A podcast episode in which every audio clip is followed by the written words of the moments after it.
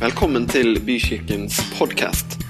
For mer informasjon om oss cvvvbykirken.no.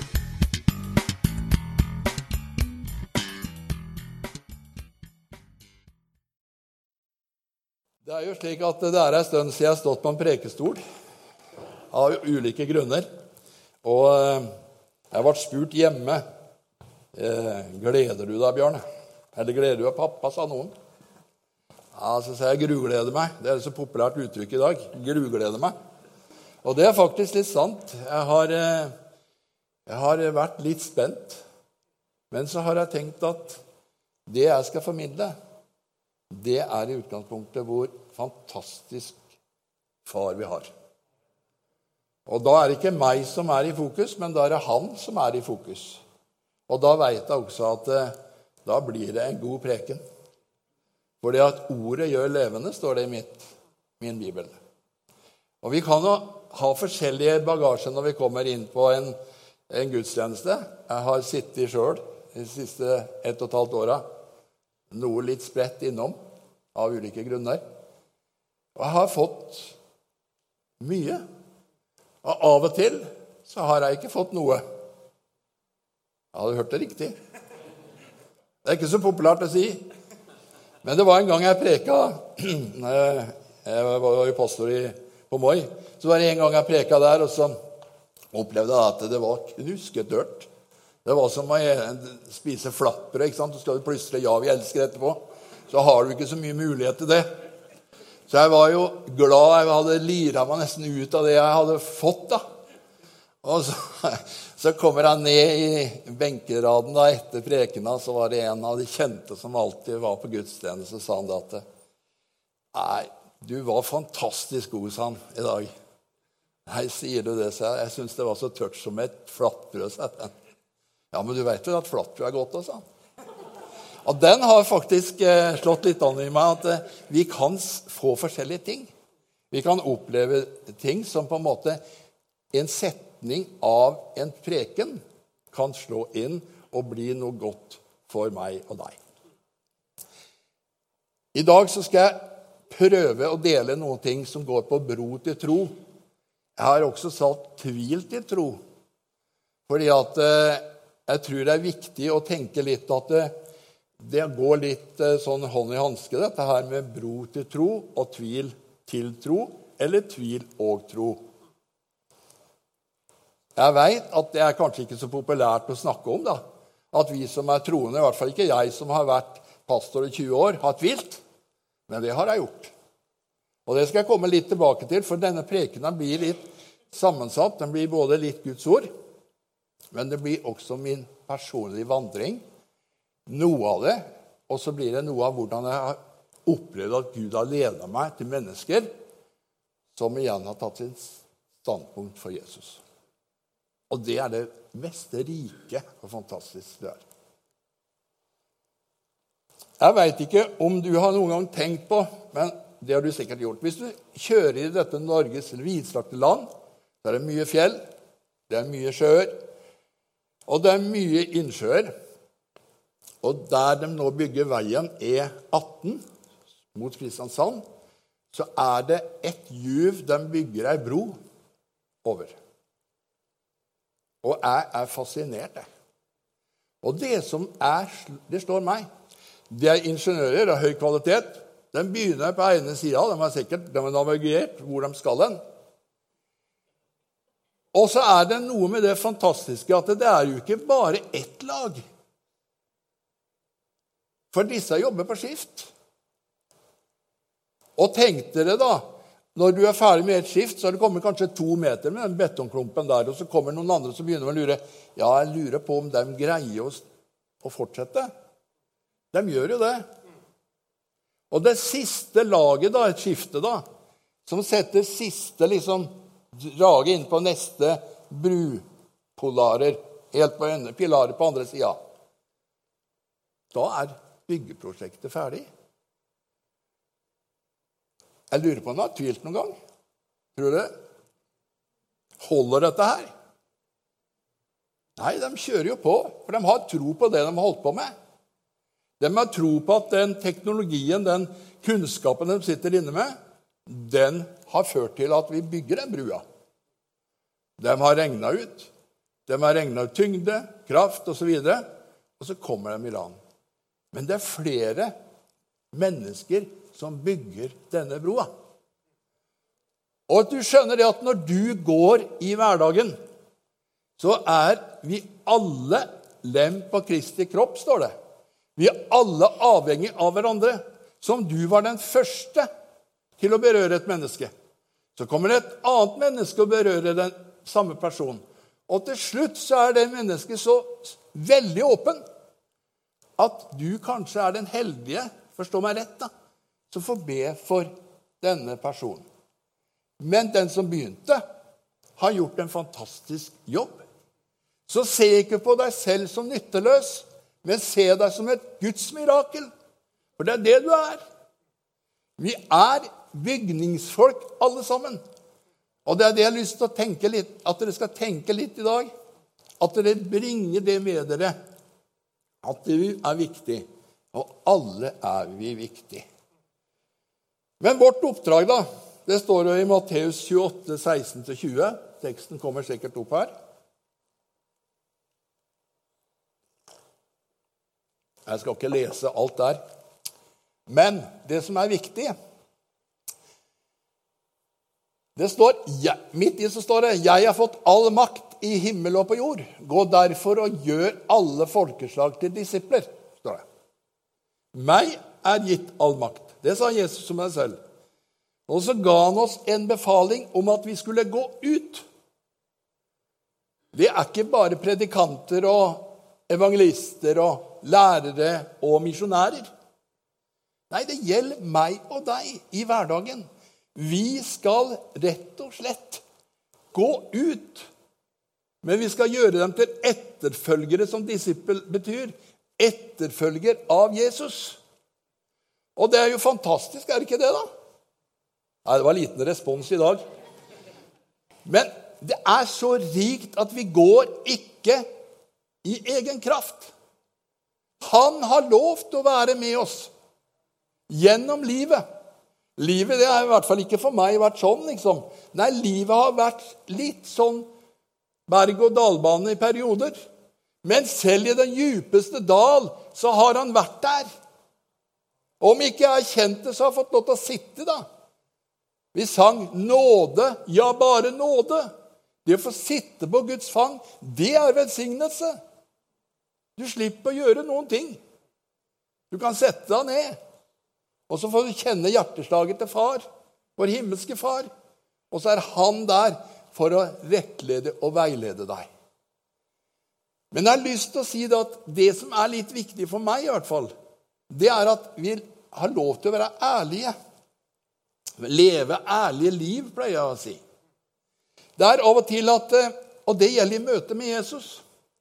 Jeg veit ikke åssen du har hatt det, men jeg har vært frelst siden jeg var 12-13 år.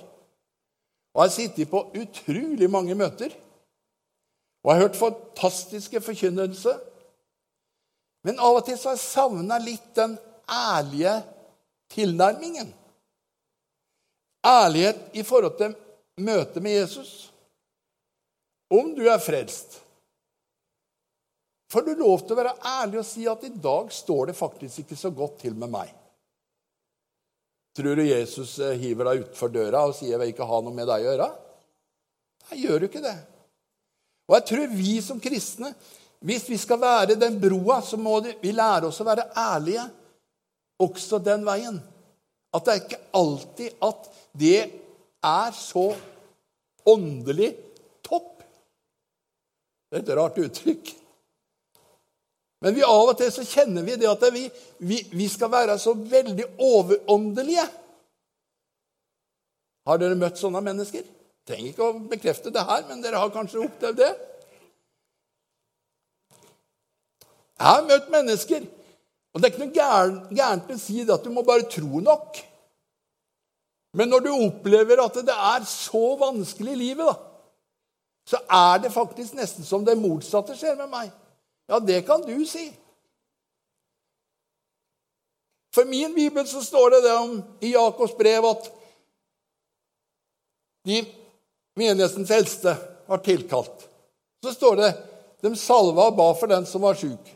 Men det står ikke at troen skulle, troen skulle helbrede eller troen skulle gjøre frist. Troens bønn Hva står det? Skulle hjelpe. Det er med andre ord vi har en tro. Ikke misforstå meg, men jeg ønsker at vi skal bli litt mer ærlige i vår opplevelse, ærlige overfor Jesus.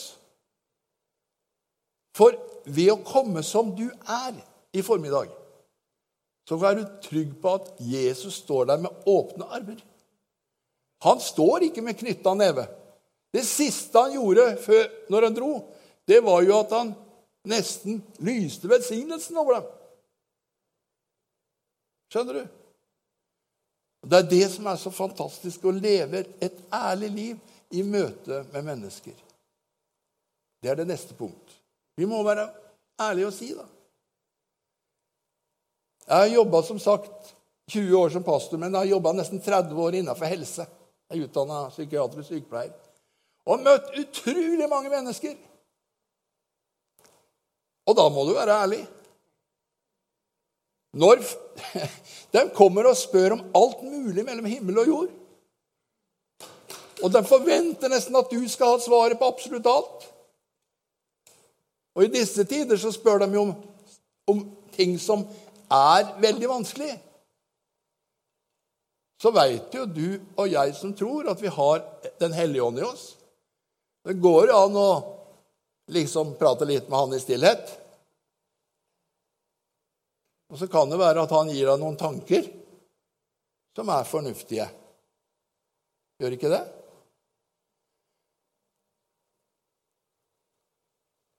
Det var som en kom til meg og sa det at Du, jeg har en kamerat, sa han, og han eh, han lurer på hva helvete er. Han bruker ordet helvete, så jeg bruker det òg. For du er jo en kristen, sånn, så du vet vel svaret på det. Jeg kunne jo ha lagt ut noe i vide og brede. Kunne ikke ha gjort det? Og jeg var, tenkte dette var i garderoben, så jeg tenkte mm, hva skal jeg jeg sa til Helligånd nå må du gi meg ord. Og du må være rask. Og så ga man det visheten at sa Helvete, se, det er en avstand fra Gud i all evighet. Og himmel, det er en evighet sammen med Gud. Er det så enkelt, sa han. Ja, det er faktisk så enkelt. Så er det mye mellom, men det vil jeg ikke gå inn på nå. Seg. Skjønner dere? Han sa bare 'takk'. Da skal jeg fortelle det til min kompis. Så tenker jeg kanskje jeg fikk lov til å være en liten bro starter på det området. Det å være ærlige mot Jesus, hvordan du har det, og i møte med medmennesker, det er viktig, tror jeg. Og så er det det med tvil, da. Er det lov å tvile, da? Hvor mange er det som har tvilt her? Det spratt det hender opp. Flott, da er vi på samme lag. Eh, nå kommer noen eksempler fra mitt eget liv. Eh, da en av mine barn var ti år gammel, så ble han alvorlig sjuk. Han fikk rett og slett leddgikt. Men det gikk lenge før vi oppdaga legene fant ut hva det var. Det var alt fra beinhinnebetennelse til beinkreft, og det endte med leddgikt. Og jeg må si det at eh, da rasa grunnen eh, Man kan si hva man vil, og det er bare bagateller, men for oss som sto midt oppi det, var det ikke det. Og for gutten var det i hvert fall ikke det. Og det ble sendt mange bønner til Herren. Det skal jeg love. Jeg er ikke den flinkeste til å bøye kne, men da bøyde jeg kne ved senga og ropte i desperasjon, for vedkommende hadde det veldig vondt. Ingenting skjedde. Han ble satt på kreftmedisin og alle ting for å ta knekken på dette. her. Og Overlegen sa det at ja vel, 80% vokser av når de er 18 år. Ja, det er åtte år til, tenkte jeg. I dag nærmer han seg 40 og fortsatt ikke fri. Kan jeg si det? Tviler jeg på Gud? Ja, innimellom så har jeg tvilt på mine bønner, at de strekker ikke til. Men så tenker jeg det er ikke opp til meg å befale Gud. Gud er Gud, og Gud har full kontroll. Men det har vært tvil, og det er fortsatt tvil. Dere er med? Ja, Bra det at dere responderer det. Så kan jeg si det når jeg ble kalt til tjeneste Det var i 1987. Da satt jeg på Hedmarkstoppen og eh, hørte Marit Landrød om 'gå ut og gjør folkeslag til disipler'. Og jeg satt i salen, og kona mi Edith satt i en annen del av salen. Og når vi kom ut da, av uh, Hedmarkstoppen, så hadde alle sagt Begge to hadde fått kall til forkynner, kall til tjeneste. Det var 87. Og da tenkte jeg ja, ja, da må jeg ut i morgen, tenkte jeg. Når han kaller til tjeneste, da er det bare å reise og gå. For det har jeg hørt mye om. Jeg har hørt det fra levende misjonærer kom hjem med sånn levende flanellografer. vet du, Jeg levde i den tida, da. Sant? Ut, ut, ut. Spring, gå. Han er med deg. Men sånn ble det ikke. Da jobba jeg som sykepleier.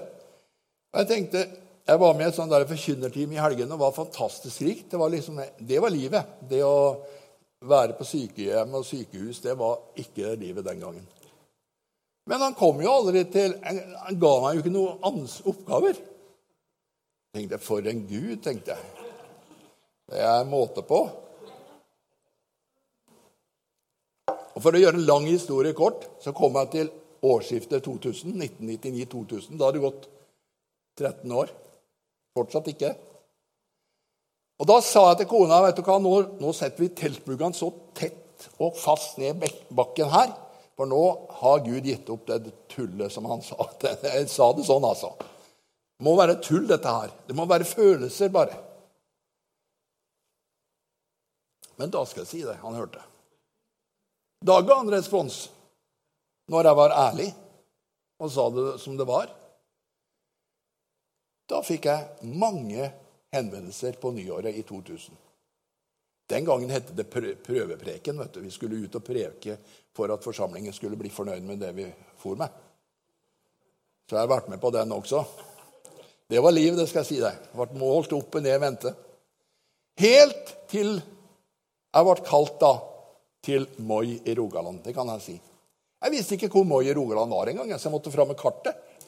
Å ja, den lille prikken der med 3200 innbyggere. Jaha, skal jeg dit, ja? Og jeg ble kalt til å komme nedover og tenkte ja, enda en ny preken. da. Enda en ny sånn prøve. Ingen preken.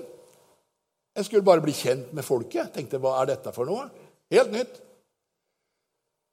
Og så ble jeg kalt ned igjen like før eh, Og så tok jeg mange bilder. Det har jeg aldri gjort før. Så jeg tok en Veldig masse bilder av stedet. da.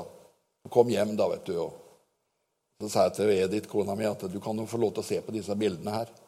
Nei, det er ikke nødvendig, sa hun, for Gud har gitt meg klar beskjed at dit skal vi. What? Og hun, hun sa opp jobben. Hun jobba som eh, sykepleier òg. sa opp jobben i tro. altså. Men jeg var litt mer det var tvilende. Jeg tvilte. Så jeg niholdt på jobben. Jeg tenkte nei, det er ikke sant. Men 2. juli det året så ble vi kalt da, til Moi, til fulltidstjeneste. Og da sa jeg opp jobben. Så vi flytta dit nedover i oktober. Men jeg tvilte på det kallet i 13 år. Men han ga ikke opp. Men jeg var nære på å gi opp, helt til at jeg bare skuffa all fortvilelse overfor han. Så svarte han meg. Jeg har lyst til å si det at det er litt viktig i forhold til der du er. Hvis du er et tvilende menneske, så går det an å lesse det over på han. Han går ikke under, skal jeg si deg. For han er faktisk den som opphever all tyngdekraft. Han gikk på vannet. Så du kan stole på Jesus. Han er der. Så er det jo eksempler fra Bibelen i Johannes 20, 24-29, om Thomas. Den teksten kommer der. Dere kan lese den. Men det er jo slik at Jesus møter opp hos disiplene gjennom stengte dører. Fred være med dere. Og de ser jo Jesus levende foran seg. Men Thomas han var jo ikke der da. Jeg kjenner meg litt igjen jeg, i Thomas.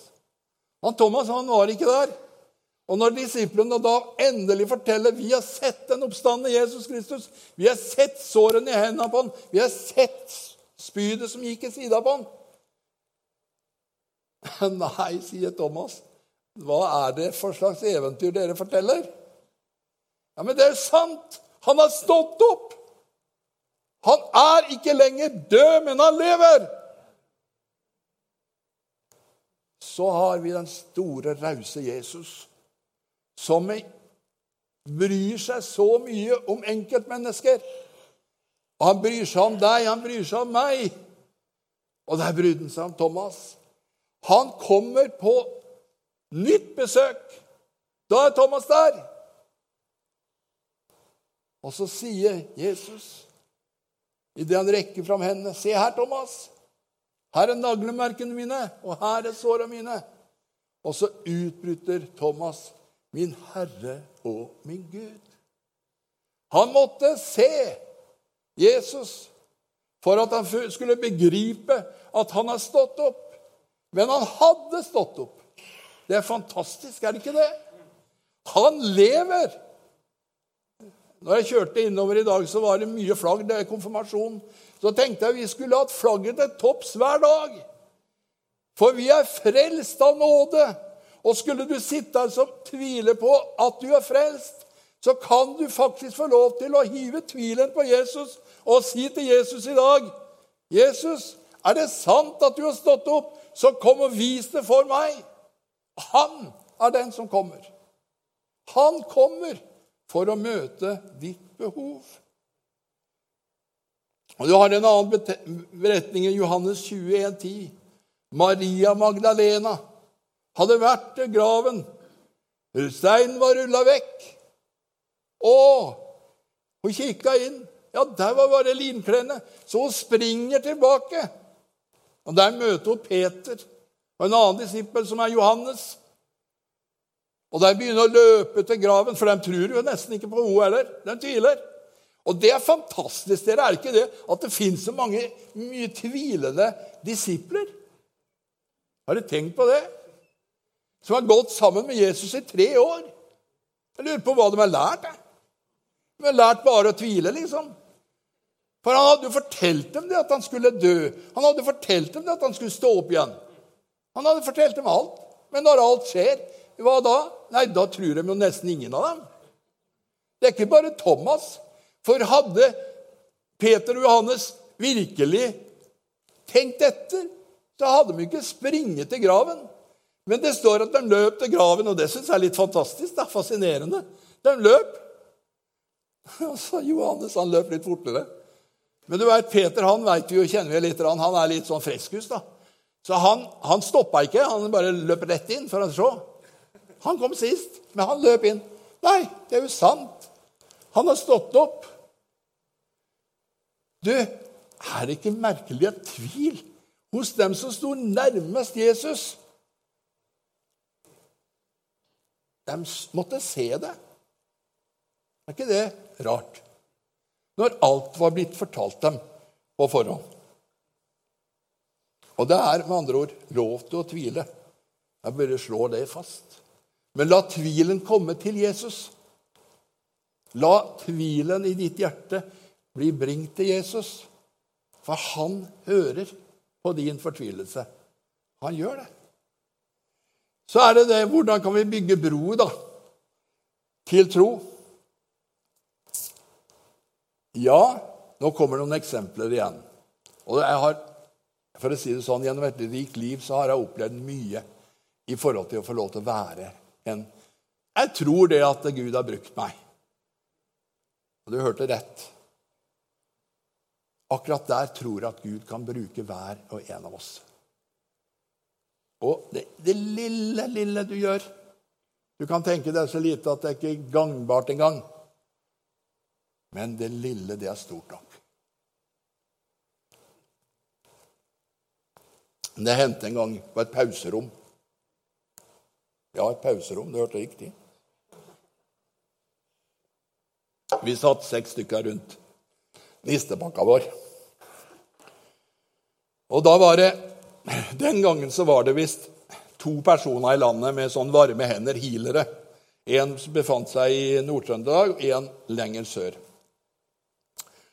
Og det kom på snakk om dette her med uh, alternativer, alternativ medisin. Og så kom det fram dette her med uh, de varme hendene. Og den ene personen hadde jo reist dit også. Og jeg satt der vet du, med verkene Det bare banka inn i brystet.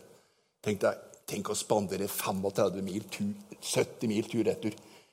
Jeg har Jesus. Jeg har Jesus. Hva skal jeg si?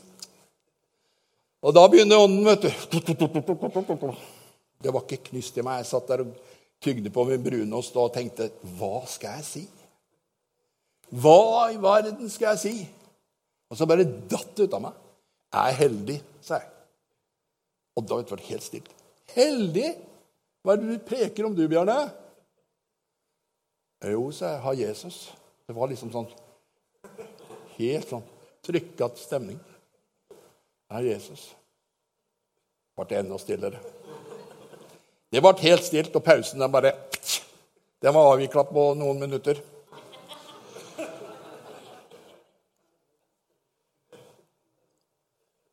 Og så, Den gangen jeg var leder da, jeg, satt, jeg hadde kontortid til det høres rart ut, men jeg hadde kontortid til ni over halv fire.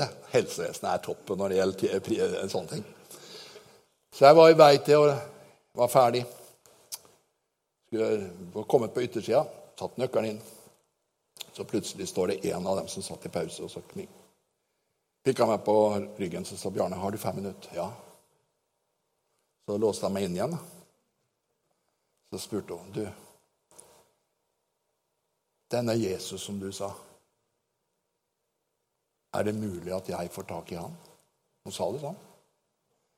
Ja, det er lett. Da var det ikke vanskelig å fyre opp meg, vet du. Det er lett, seg.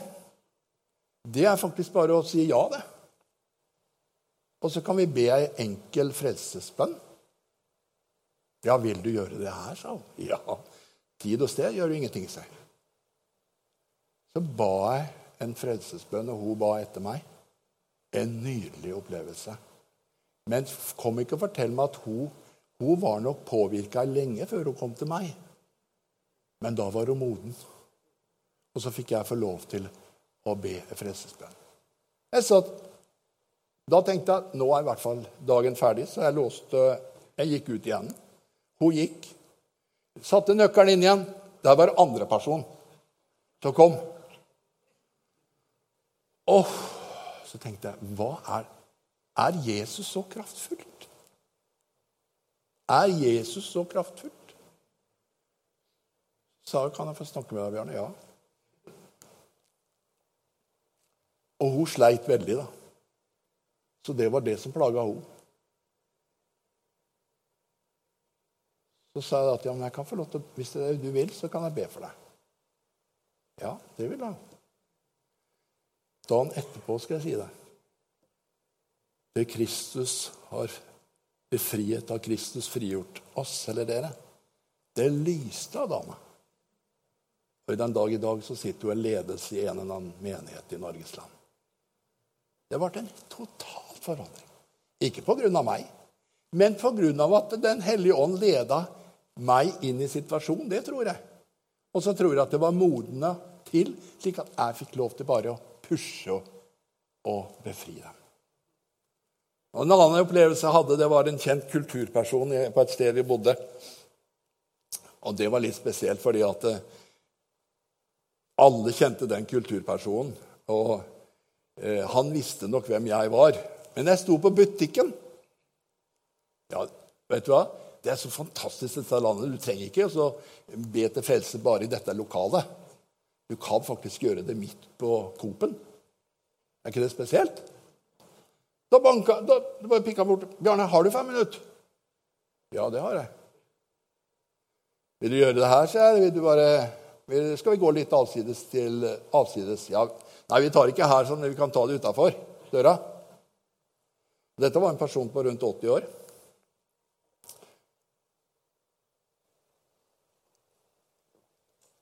Og han spurte hvordan kan jeg få fred med Gud, Bjarne. sa. Det var første spørsmål. Jo, sa. Vil du at jeg skal be om at Jesus flytter inn i hjertet ditt, så han skaper fred? Ja, det Hvis det hjelper, så kan du jo bare prøve sånn. Ja, det tror jeg hjelper seg. Og så la jeg hendene på den, stille og rolig. Ikke noe sånn brøling og liksom der, nei. Det var sånn, Kjære Jesus, du ser han kommer nå. Han kommer fordi at han ville ha fred i sitt hjerte. Du, Jesus, du kan gi ham fred. Jeg ba med åpne øynene, Når ikke han trodde det var noe helt sånn innsides greie jeg holdt på med. Og så ser han meg, når jeg sier amen, så ser han på meg. Nå veit jeg hva fred betyr, sånn. Og han ble altså så aktivt troende kristen de siste fem åra av sitt liv.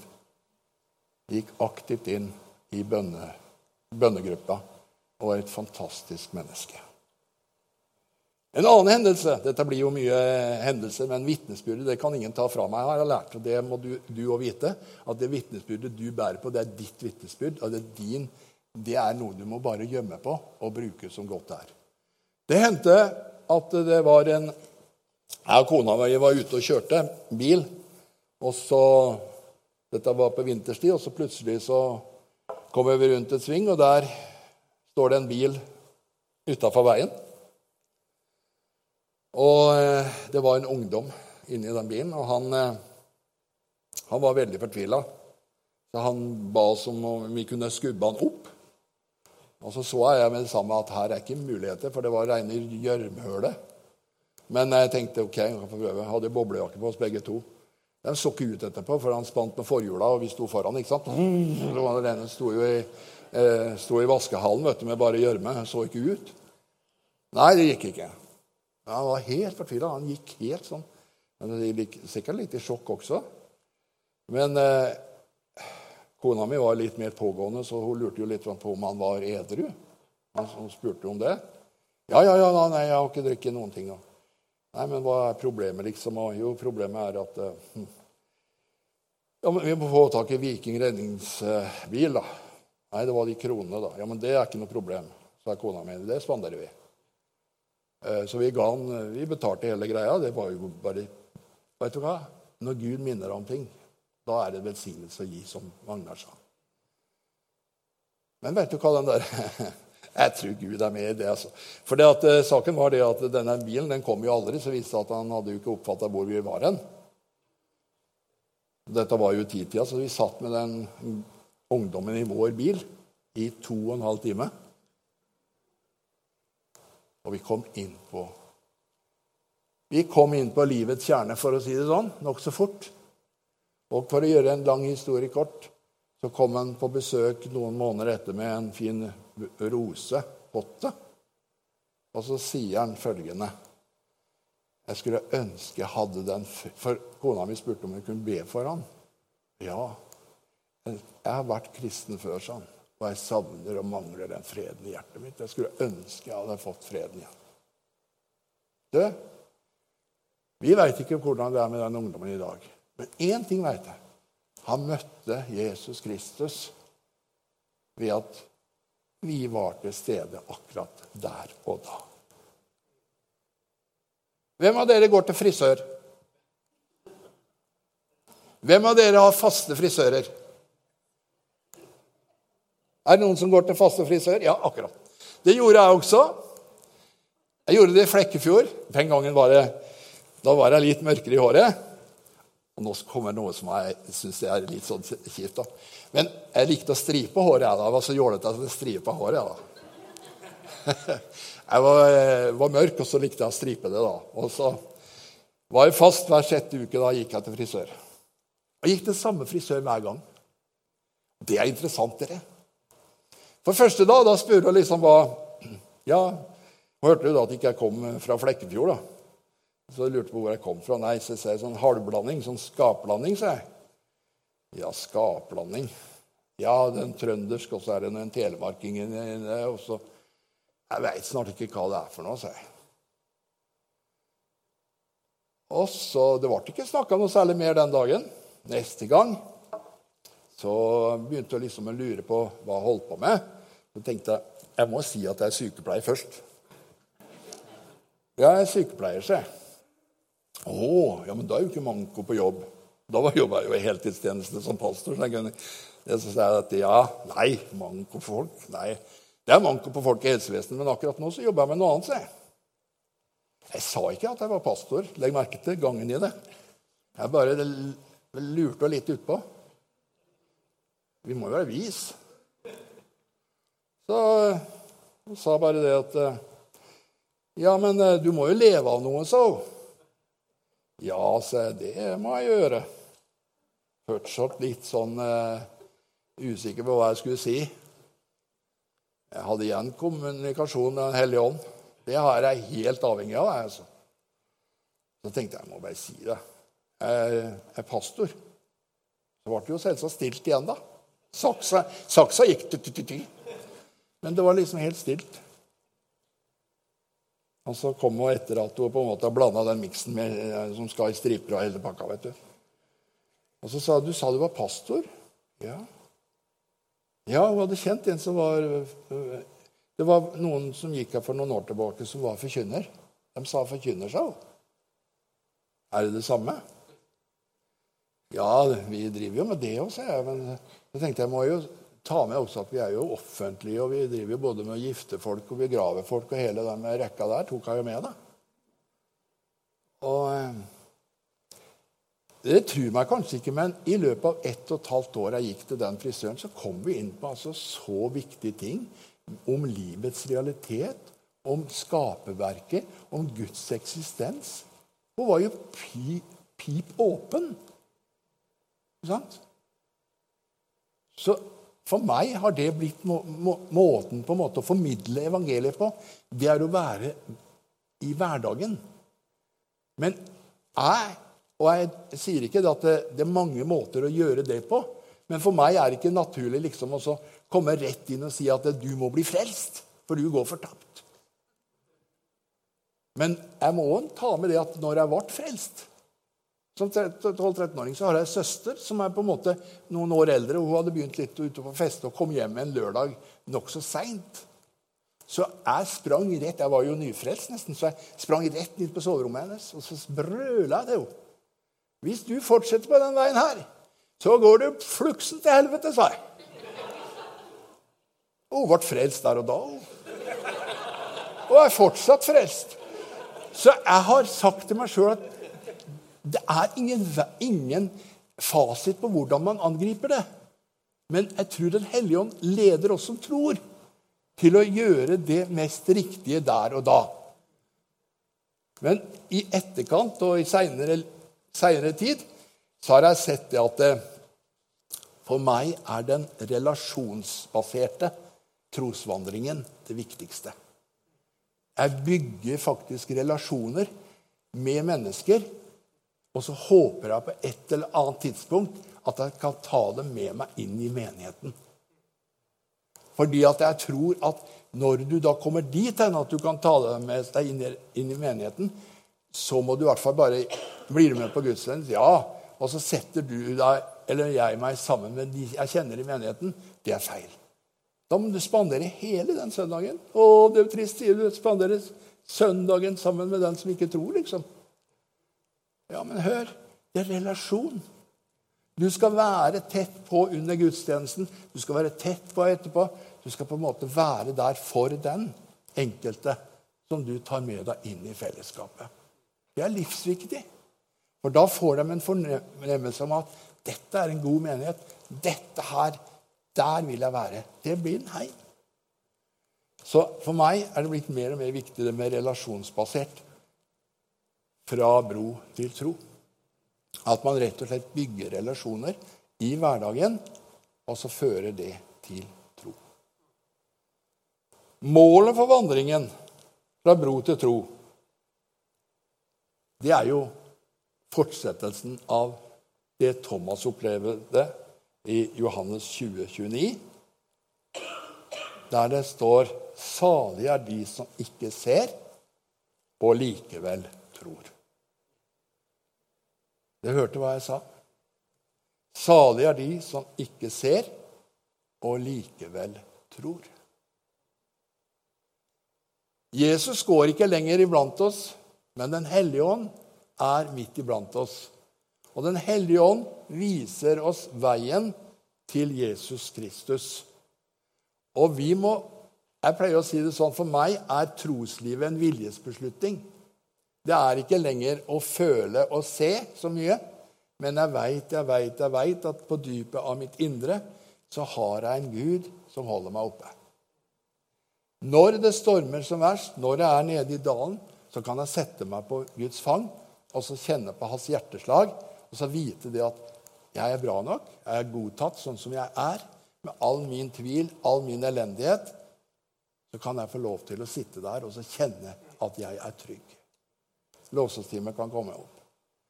Det som er viktig, det er i utgangspunktet at du som er her i dag, kjenner at du får være deg sjøl.